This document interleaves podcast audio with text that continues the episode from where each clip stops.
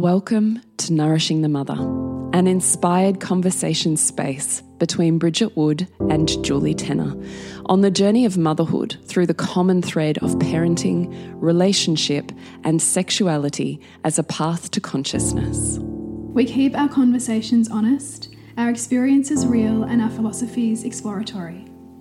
We believe that in order to raise incredible humans, we first have to raise ourselves. We know that in order to rock the family, you've got to nourish the mother. If you are here, you care about paving a path of conscious and intentional motherhood connected with yourself and your gifts, and also illuminating your children in theirs so we may raise more whole humans who can impact this world in a more humane way. If you desire to integrate your learnings practically and supportively, head on over to bridgetwood.life or julietenner.love to go deeper. And for all live streamed, pre release podcasts and all our free content, head over to our free Facebook group, Nourishing the Mother with Bridget Wood and Julie Tenner. We are Julie Tenner and Bridget Wood, and we are so grateful you're here. Hello and welcome to Nourishing the Mother. I'm Bridget Wood. And I'm Julie Tenner. And today's podcast split over part one and part two. So, for your listening pleasure this week and next week, because there's so much in this oh, conversation. Oh, gold, like so many nuggets. Oh, my goodness. Recession proofing your family financially and emotionally with Coco, the astro economist. And she is going to blow your mind. So, we really hope that you enjoy her and all of her lived wisdom and that you find pieces of yourself in her story that soothe your nervous system and mm. inspire your heart to build the life and the wealth that you're seeking. So, we're just going to quickly read out her bio so that you have a grounding before we jump into the interview with Coco. So, Coco is a Tahitian born, French speaking, straight talking Aussie who's lived many lives from corporate career and self made property millionaire in her 20s to taking over her family's commercial cleaning business and learning how to come back from losing it all in her 30s. Business is her bread and butter, but what is her lifeblood? It's seeing the incredible women grow in their business journey and overcome their old stories and paradigms. So, if you're looking for a place to bring the work to the woo and make the inner work the everyday, then she says, grab yourself a carton of chocolate coconut water and let's get to know each other. And I just, it delights me her bio because it's exactly how she is, right? Yeah. Yeah. I mean, what I just love about Coco is that she's, she's so accessible and in revealing so much of herself it gives so many other women permission to dream maybe things they didn't know were possible which you know we absolutely adore so please enjoy this part 1 podcast with coco so, welcome to today's podcast Recession Proofing Your Family Financially and Emotionally with Coco, the Astro Economist. Welcome, Coco. Hello, ladies. Thank you so much for having me on. It's so good to have you here and just so um, pertinent, I think, at the moment with all of this fear and I think for some families, overwhelm as we're seeing interest rates rise and the cost of living rise. And we just thought, let's get you here because we know that you have a really personal experience of, you know, the emotional roller coaster that is the economy and investing and finances. And also, you have a really great insight into the emotional um, governance that's required, which for our listeners and for us personally is really important, you know, having family such a central focus. So, I guess, can you tell us, first of all, why? Why it's become such a, a, a personal, I guess, journey or focus for you to really empower women in finances? Because you talk a lot about the daughter economy. Can you share that? Yeah, yeah. So, for those of you who don't know me, which is probably the majority of your listeners, uh, I've been in business since I was 18 and uh, I'm 36 now. And uh, all those years ago, there was many women speaking openly. And I still find to this day, people aren't really speaking openly about all sides of mm. finances. We, we hear about all of the the amazing things that people are achieving but then people aren't really sharing you know that through you know five launches they they may have had three failed launches before they you know got got the six figures or whatever it is that we may be talking about. And so when i experience my failures i um was a million multimillionaire by the time I was 24 and then I lost everything at the age of 27 and then I was rebuilding and then I lost it again at the age of 32 and now I'm also again rebuilding and the biggest thing about that is I had no one to speak to about it. I mm-hmm. felt like I was a failure. I felt that like what was i doing like i was doing all the things and everyone else is doing the things yet they're thriving and i'm not uh, and so mm. for me it became really important to have that conversation so that people felt that they were not a failure and i thought you know at first my ego really didn't like that I was opening up about it. But then I realized, and as you guys have mentioned, you know, the emotional part of it is was key. And it took me losing millions twice to realize that the the primary reason why I lost it once and then a second time is because I hadn't worked on my emotional stuff. Mm. Man, such a huge sentence. yeah. And so I'm like, no one is talking about this. Oh. And so I was oh. just like, I just, I, I, I have to. How can I how can okay, I not? Hang on. What does that even mean for someone who just heard that? I realized I built it and I lost it twice because of where I was holding or sitting or I can't even think what you said right now. My brain just like popped. I can't even remember what I said. No, but emotionally, like just just string yeah. that out a little bit for us. Yeah. So when I became a multimillionaire at the age of 24, there was no one around me that had reached those heights. And so I mm-hmm. realized now, I didn't realize it at the time, but I realized now that I had subconsciously created that loss so that I could then relate to everyone around me because I felt like no one could understand what I was going through. And I hadn't really created a network that would then allow me to, to go through that ceiling. And mm-hmm. so then mm-hmm. instead of going through the ceiling, I decided to subconsciously um, burn it all down because I knew how to get back to that ceiling. Yeah. So and it was, it was safer in a way, like subconsciously, yeah. because you didn't have anybody to almost calibrate to that would make anything more than that safe or, or like known. Exactly. That's exactly right. And then the second time around, uh, I lost a lot of confidence because of the first time, and I didn't work on myself emotionally. I, I, I, had started to after the first time, but I didn't again have the right mentors. I didn't have the right coaches around me. I didn't have the right network. And mm-hmm. so it's almost like I had to prove to myself, again, subconsciously, that I was a failure. And so, you know, you don't know what you're doing. Yeah. You, we swear on this podcast? I'm not quite yes, sure. oh, yes, you can. Just checking. I should have checked before. Um, but you know, I was like, you you shit, like you don't know what you're doing, so prove it to yourself. Mm-hmm. And so I did. I proved it, and then after that, I was like, I this is so exhausting. Like rebuilding. You know, anyone who's in a startup or anyone who's considering, or you've got a side hustle with a full time job, it is hard work. Mm-hmm. And I was like, how many times am I going to do this whole like build it up, burn it down, build it up. And I was exhausted. I'm like, you know, I don't want to be doing this until I'm 70. Yeah. Like, this is ridiculous. Yeah. So, so what happened then? So well, you're like, this is ridiculous, not doing this anymore.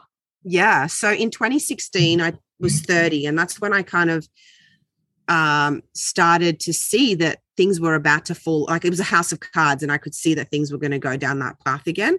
And I attended something called Path of Love I don't know if anyone's heard of it, um, but anyway, it changed my life. And if you look into it, essentially, it's a seven day retreat that um, I wouldn't say it's a silent retreat, but it's psycho psychoanalysis, I guess. And they, you know, there's 30 participants and 30 psychotherapists or counselors, that type of thing, and they essentially break you down to your core.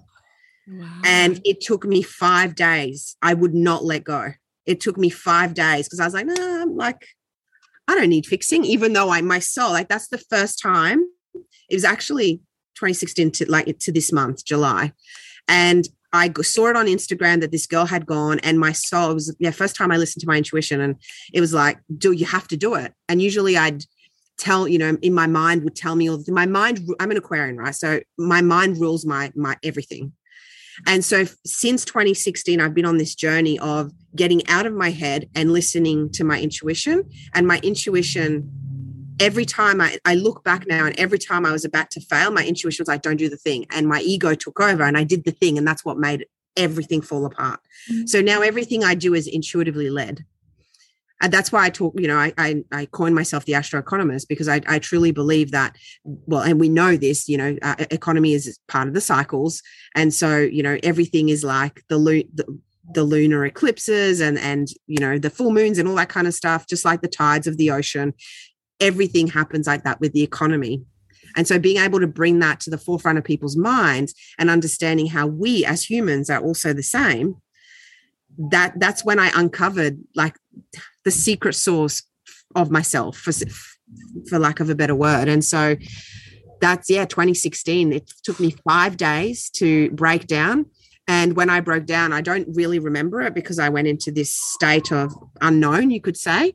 And um, when I got out of that state, the lady that was with me said that, that I had so much anger in my body that it took five men to hold me back. They had a punching bag and they had five men behind the punching bag because I had so much anger. And I'm like, I'm not a big girl, I'm pretty small. Yeah.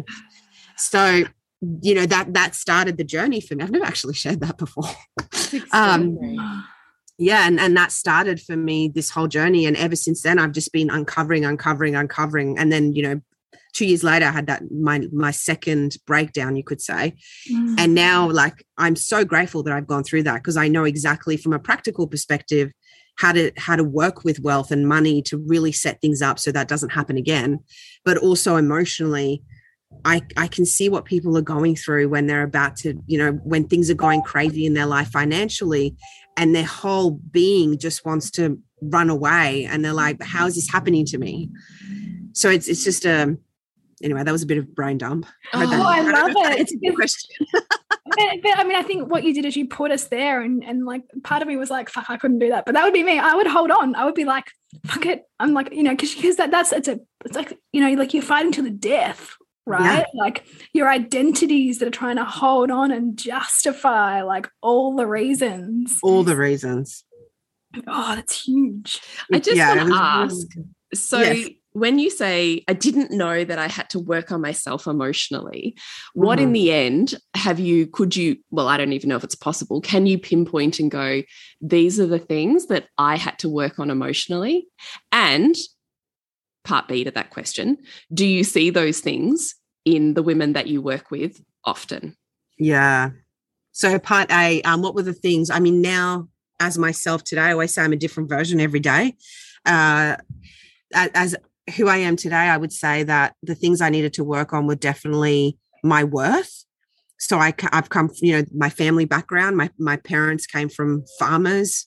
So, you know, dairy farmers, so you work really hard. And then my parents were in hospitality. So it's always been in these industries where you have to just, you know, the hard yucca kind of industries. Yeah. And then, um, or just realizing that I don't have to work and slog myself to make money and not just a living but actually make really good money um, and the more the ha- i'm realizing this more and more and it's it's so present for me now having moved to bali that i've waited so long for the perfect time to do the things to live my life.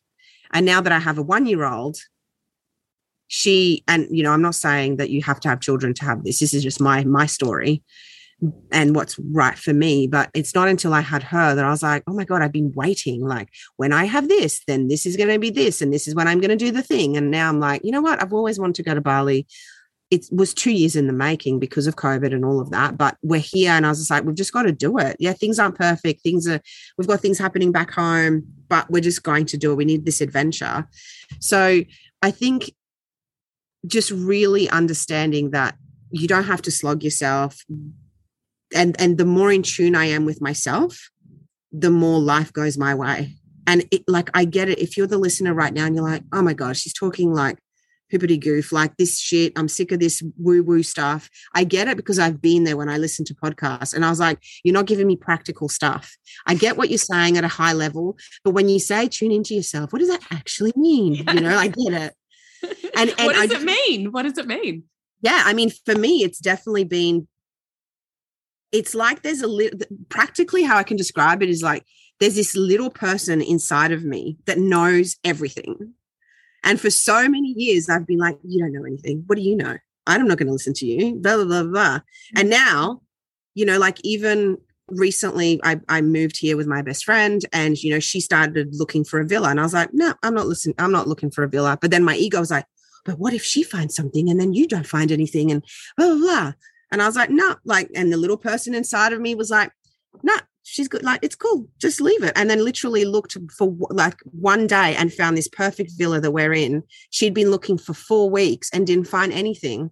Now I can't speak for her, but for me, I was like, if I had been looking before that day, it would have been from a fear perspective of like, where are we going to live? What are we going to do? Oh my God, we're going to be in a hotel for too long and we're going to spend too much money and it's not going to work out. And then what if all the good ones go? And if she finds one and I don't find one, what's going to happen? Yeah, that, that, you know, the spiral, right? Yeah, the spiral. And that goes with everything in life. Yeah. And I'm just sharing that example because it's like just so recent for me. Yeah, I love but, it. It's so poignant yeah and, and it's it's the same with with my business and with my family or you know with my daughter like you know people ask me questions about it. I'm like i don't know. I don't know what you're talking about. I just go with with my with my little person my gut my intuition whatever you want to call that thing.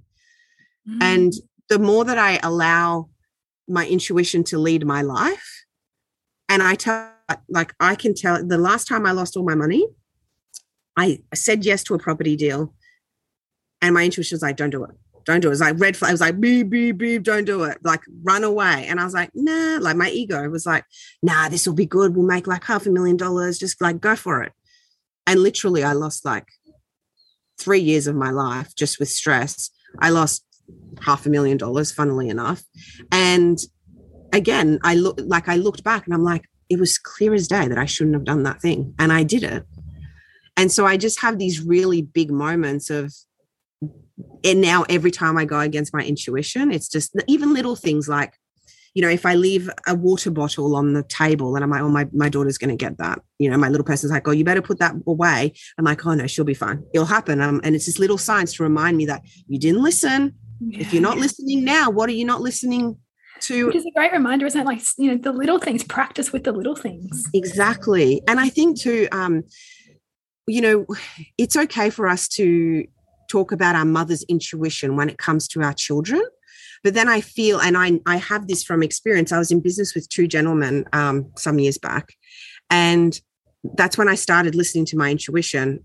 But they, they, because I couldn't practically give them a black and white answer, they were like, you're just talking like no if you can't justify why you know i'd be like we shouldn't buy that property. We were doing property development. And i said we shouldn't buy that block. It's not going to work. You know there's not enough in it. And they'd be like well why? And i'm like i don't know. I just can i, I just have this feeling. Yeah it's minimized. Yeah and they're like well no and they bought it. And then you know i left that company and they were 3 million down because you know again they they didn't listen to my intuition. And i know mm-hmm. like so i've just had so many moments of like now i'm like if i don't listen it's just it's suicide for me you know? I love it so hard. So i just want to clarify for all of our listeners that what you're saying is building your intuition can lead to a more abundant financially savvy life. Yes and i know you're listening right now going oh what does that mean? I get it. But yes that's what i'm saying well, also, I think that that's a relief for probably most of our audience mm, because this so. audience spends so long on building their intuition and returning back to home base and really doing that anti culture stuff of coming back home to self Amazing. and choosing self over the louder noise and the conditioning and the shoulds and all, all of that. Of it, oh, that's right? so good. So I just wonder. That's why I wanted to just hone in on it to get clarity from someone who clearly has lived wisdom, which is so much better than just intellectual knowledge, right? Yeah. Just to go, this work that you are doing on yourself can also be applied to your money. Mm. And I feel like the biggest work, like the biggest work is trusting yourself. That's the first step. The second step is making sure that whoever you share your home with or whoever you're sharing your finances with also trusts that Because yeah. when you're making a collective decision that comes from that place, you know, let me give you an example. I was married when I was young and I'm now divorced, but I, and my ex husband and I are still friends. And recently I had a dream about his cousin. And I was like, I just texted him. I was like, is she pregnant? Like, I feel like your cousin's pregnant. Anyway, she, it ended up that she was pregnant and I didn't know. And he said, oh, you know, I finally understand. Like, you do have really good, in- because we are together when we were very young. You do have really good intuition. And I was like, man, it only took you 15 years. Like, far out, you know. And now my partner now is like, okay, you, you know, if that's what your intuition says and that's what we should do. And so I just, I know that that's like the next step in a family unit to really be like, okay, I have to trust myself. And then I have to show my partner, my other half, my husband, whatever your person is, that this is a thing and it will serve us in the right way. And and that can be just as hard as trusting yourself. I just love that.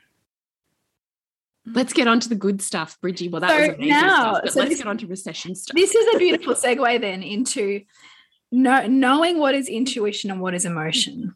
Because mm. the things that quickly destroy wealth building and wealth holding is emotion, right? Mm. And right now, there's a lot of emotion and fear in the collective. And, you know, certainly perpetuated by mainstream media around where we find ourselves in the economic cycle. So sometimes we can think, oh, my intuition's saying quick, don't do that, or you know, it's reactive.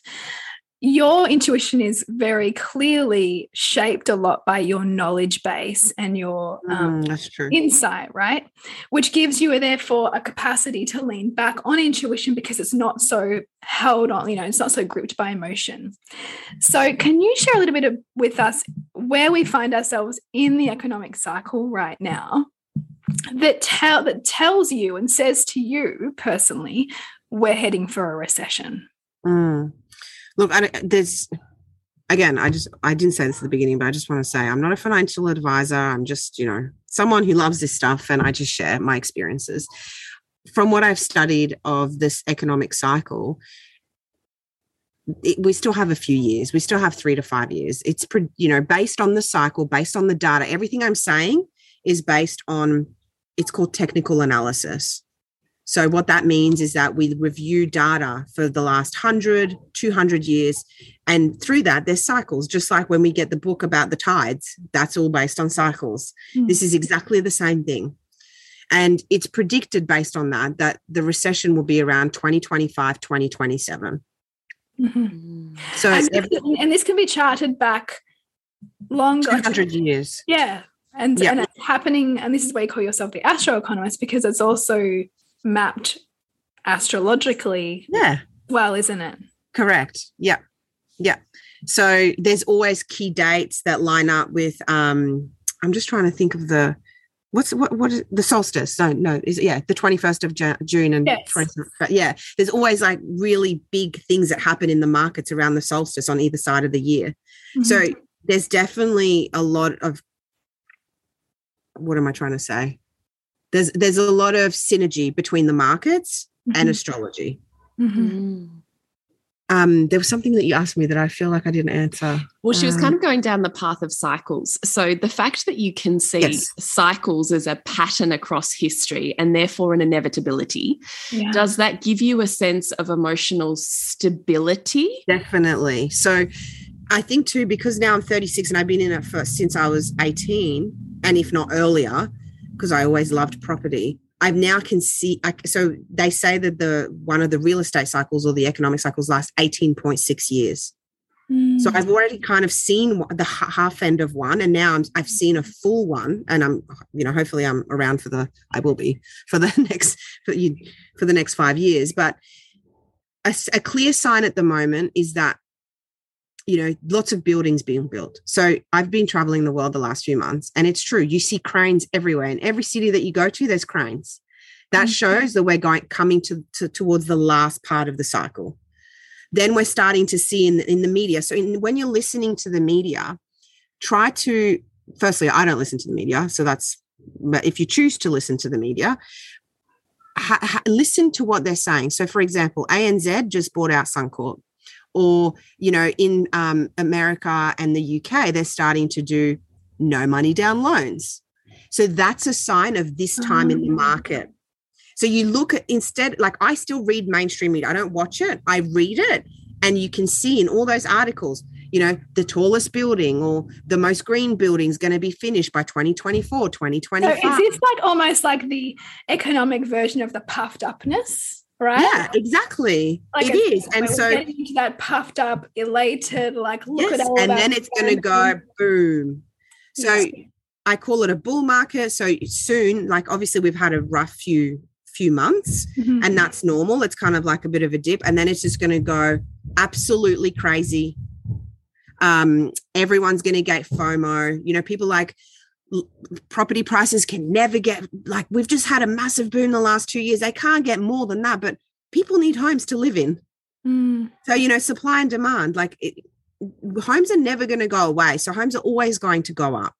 Plus, you know, governments get money from homes, land tax, all that kind of stuff. So homes are the best part.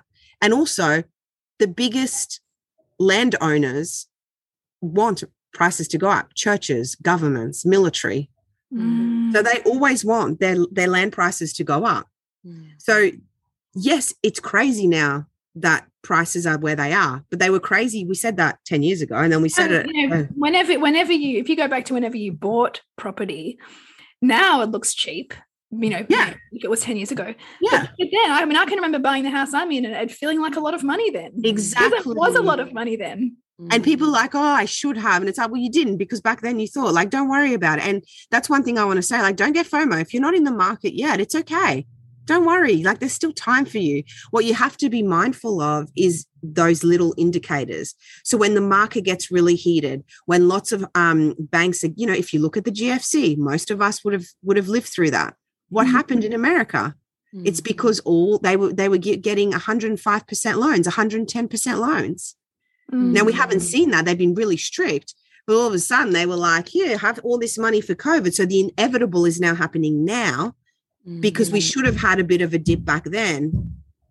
But and instead, then, all of the stimulus has meant that people have been you know correct cash and yeah yeah sorry i'm i'm i'm a european so i'm always using my hands and i realize this is not a visual podcast um, so we're getting lots of handouts from the government now we're seeing the dip which we should have seen when corona first hit and when the world shut down Mm-hmm. But soon we're going to see over the next three to five years a huge bull market, which means that everything's going to go crazy, and people are going to get market. I don't even know what that means. Yeah, so a bull market. There's a bull market and a bear market. So a bull market is when you think of a bull, it goes crazy and it, it just go like it goes for and gold. everything rallies and it's just like go yeah. more more expansion like. and people get fomo so then they're like oh i better get in because if i don't then my god i'm going to miss out so it drives the market to really driven on excitement, isn't it? It's more an excited kind of energy. Correct. And then a bear market is the other way, is when and you can make money doing both, like trading or, you know, obviously maybe not with property, but depending on what you do, you can make money in a bull or a bear market. Mm-hmm. Um, so we're going to see a, a huge uptrend. If people thought prices were already high now, they're only going to get more. Now, and, obviously, and that includes and that includes not just property prices, but you're talking about cost of living prices as well. Like the inflationary oh. pressure is only going to go up in a bull market, which is then which is then why there's interest rates to try to counteract that. Correct. Yeah. I mean, I feel like that's a whole other conversation. Um, yeah. I do feel that what, especially Australian focused, you know, the government probably should have increased rates earlier Mm. But again, I feel like that's a different conversation. And now yeah. they're trying to play. Now they're trying to play catch up, right? So yeah, yeah, exactly. They are. But that's, but that's, the emotion that's then created in the consumer, or in the homeowner, or in you know the average family who's then going, "Hang on a sec, like what's happening now? This is a too much too soon," which then pushes people into the emotion. Right. So I just wanted to hone in on that because I wonder if there will be some people who just got a little bit activated in their nervous systems going, What do you mean the cost of living is going up? Because that's the conversation that I'm hearing across the board, not um, mm. from entrepreneurial people, I would say, but from um, employee people yeah. who perhaps live in that world. In fact, I was out for dinner with my in laws last night at a ridiculously fancy restaurant. There were six of us who probably paid $1,000 for the meal, right? No problem for them. But neither of my neither of my in-laws will buy beans right now. I was like, they were like, what are you doing well enough that you're buying beans? And I'm like, yes, I'm fucking buying beans. They're twenty dollars a kilo. What is is this beans the equivalent of like lettuce? As I say, Yeah. yeah, Yeah, because right. beans have gone up. So they were saying beans are what normally $14 a kilo.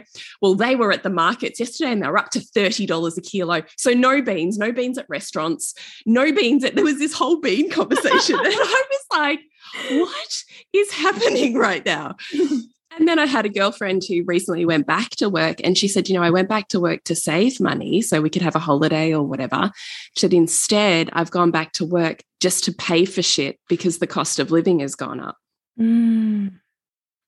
So I am thinking about those people who just heard the bull market is going to drive it up and they're already struggling. So I just wondered if we could like nuance that a little. definitely and i i find like this is a conversation that i have and i probably i'm just going to preface by saying i'm a bit of a hard ass when it comes to this conversation i find and it's true people are struggling and i get it you know i had a property portfolio of uh, 15 15 or 20 properties and the interest rates were at 8 to 9 percent so sorry is that background noise It's bad? really totally fine That's because we do kids and Okay. motherhood and all the things Okay. together. So Sorry, we I've got a very seven much and nine year old that are having a fun time we welcome it.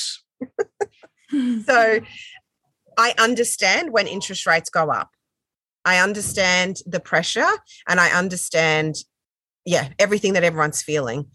What we use, the, the, the really interesting dynamic at the moment is, is things, tools or suggestions that I would have for people maybe five to 10 years ago are really hard to apply right now. So I'm going to be really honest with people. You know, in the past, it would have been like, get rid of your mortgage and go and rent you know that way you don't have your maintenance expenses and the landlord can pay for all of that and you can put that back into your weekly budget with the way that the rental market is this these days and you know this is in australia if you if you're somewhere else i'm sure it's similar um, it makes it hard to to make suggestions like that Mm. and you know when we're trying to look uh, feel into our intuition and we want to really feel light in our body to attract more things how do we do that when we're already feeling really like contracted in everything that we're doing?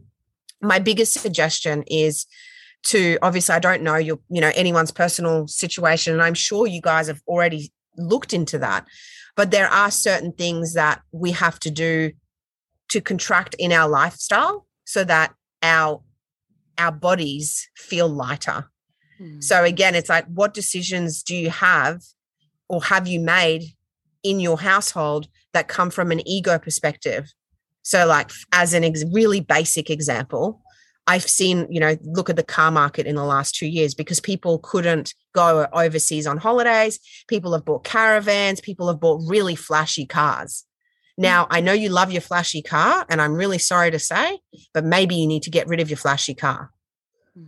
these are the kind of convers like again you're probably like well i've done that coralina it's still really really hard. I get it. Again i don't know your personal situation but it's really like you know i remember being in certain circumstances where i was counting my money every day. Like i, I if i bought a freddo frog and i'm not joking like my budget was out. So i i completely get it.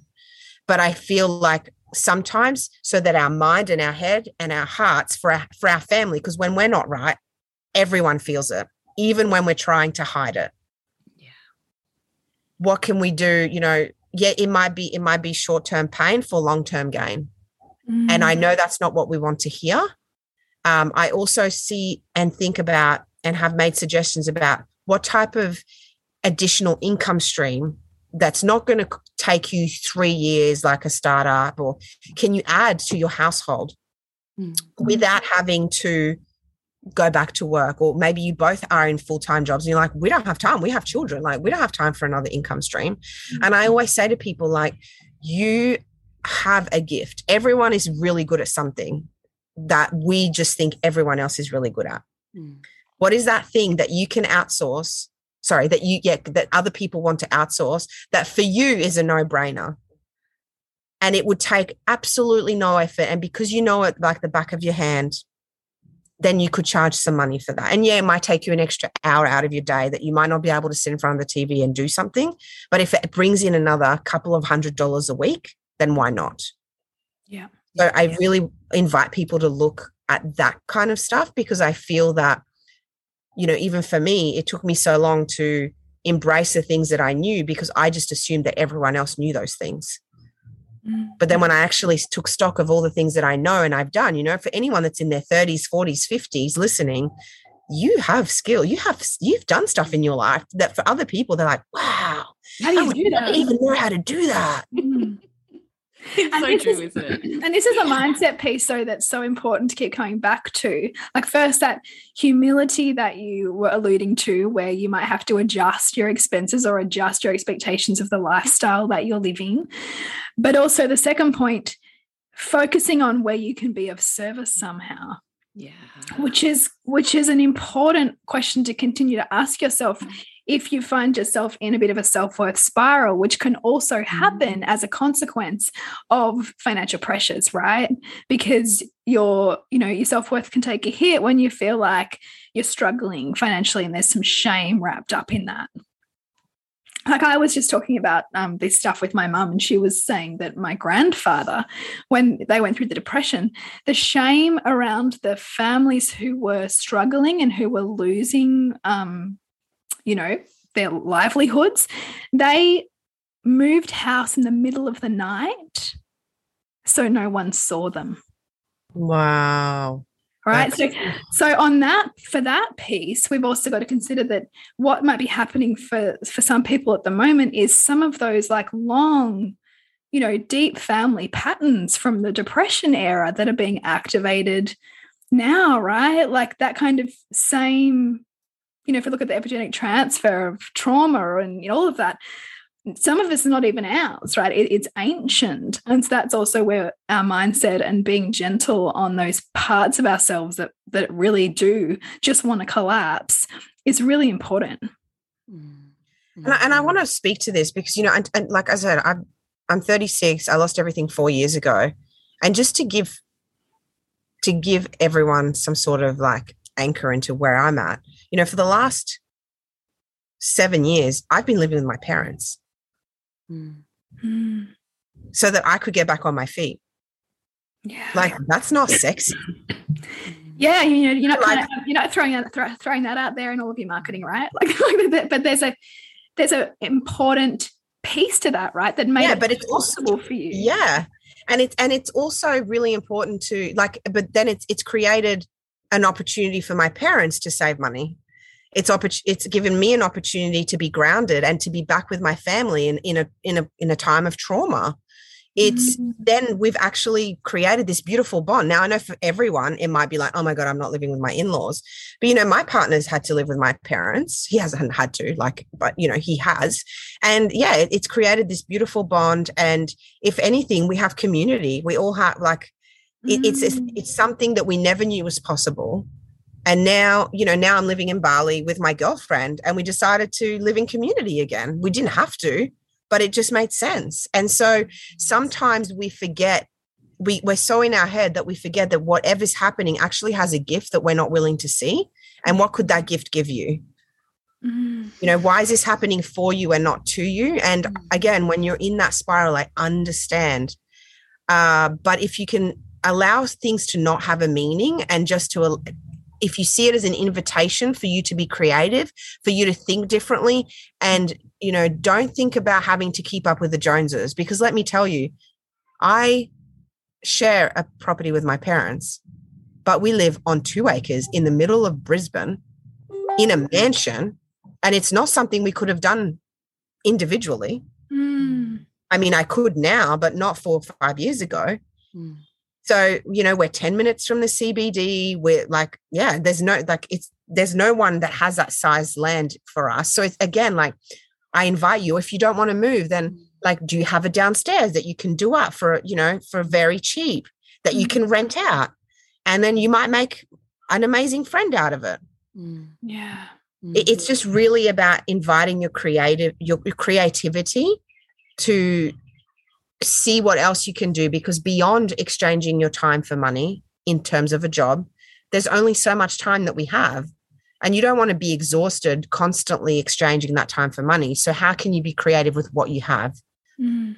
Now, is that because we, we have a we require a level of i guess emotional stability to be able to access that creativity that you're talking about and that you obviously employed.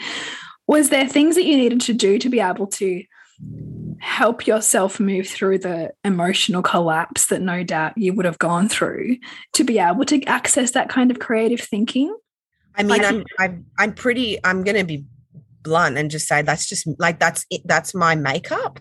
Mm. So I mm. don't have to, I know for some people it's not, but I'm always thinking of creative ways. And that's how I've been since I was a kid.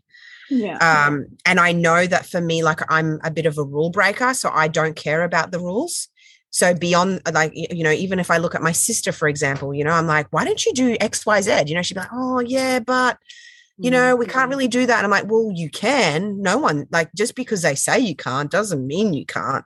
So mm-hmm. that's like kind of who I am at my core. But it is a mm-hmm. good question. And I feel that for me, I didn't, I didn't get here on my own. I've had mentors, I've had coaches.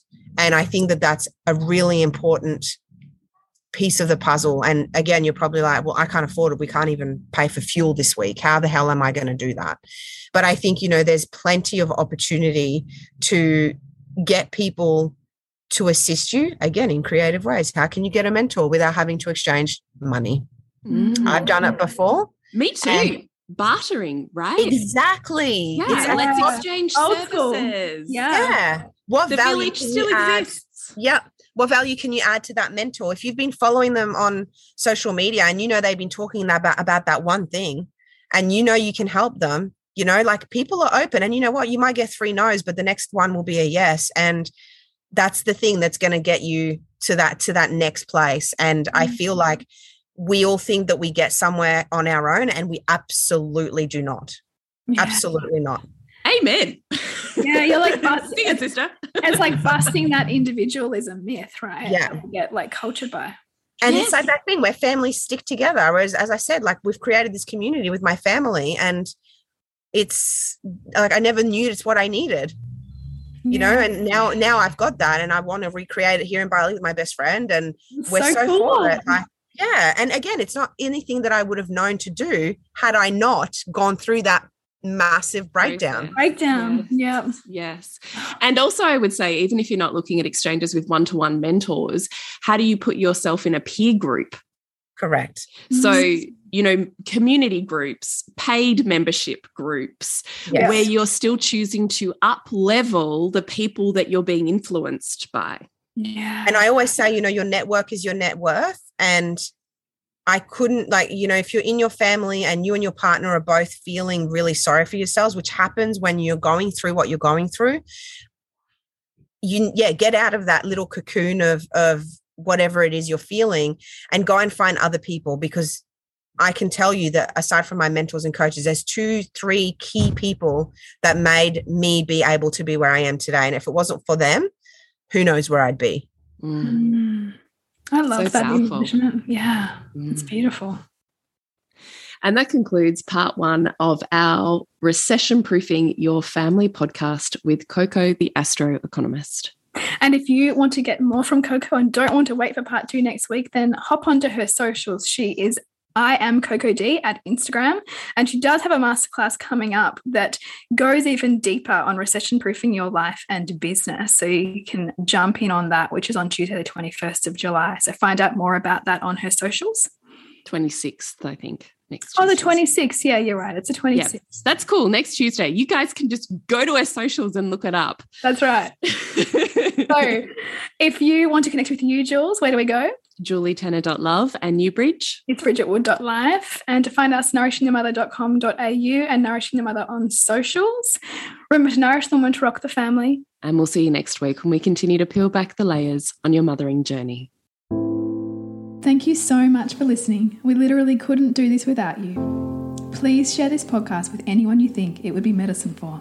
If you desire to integrate your learnings practically and supportively into your life, then head on over to bridgetwood.life or julietenner.love to go deeper. And if you feel like giving back a little to this free content, please rate us on iTunes or Facebook, all of which helps the podcast reach more mamas who need this type of tonic for the soul.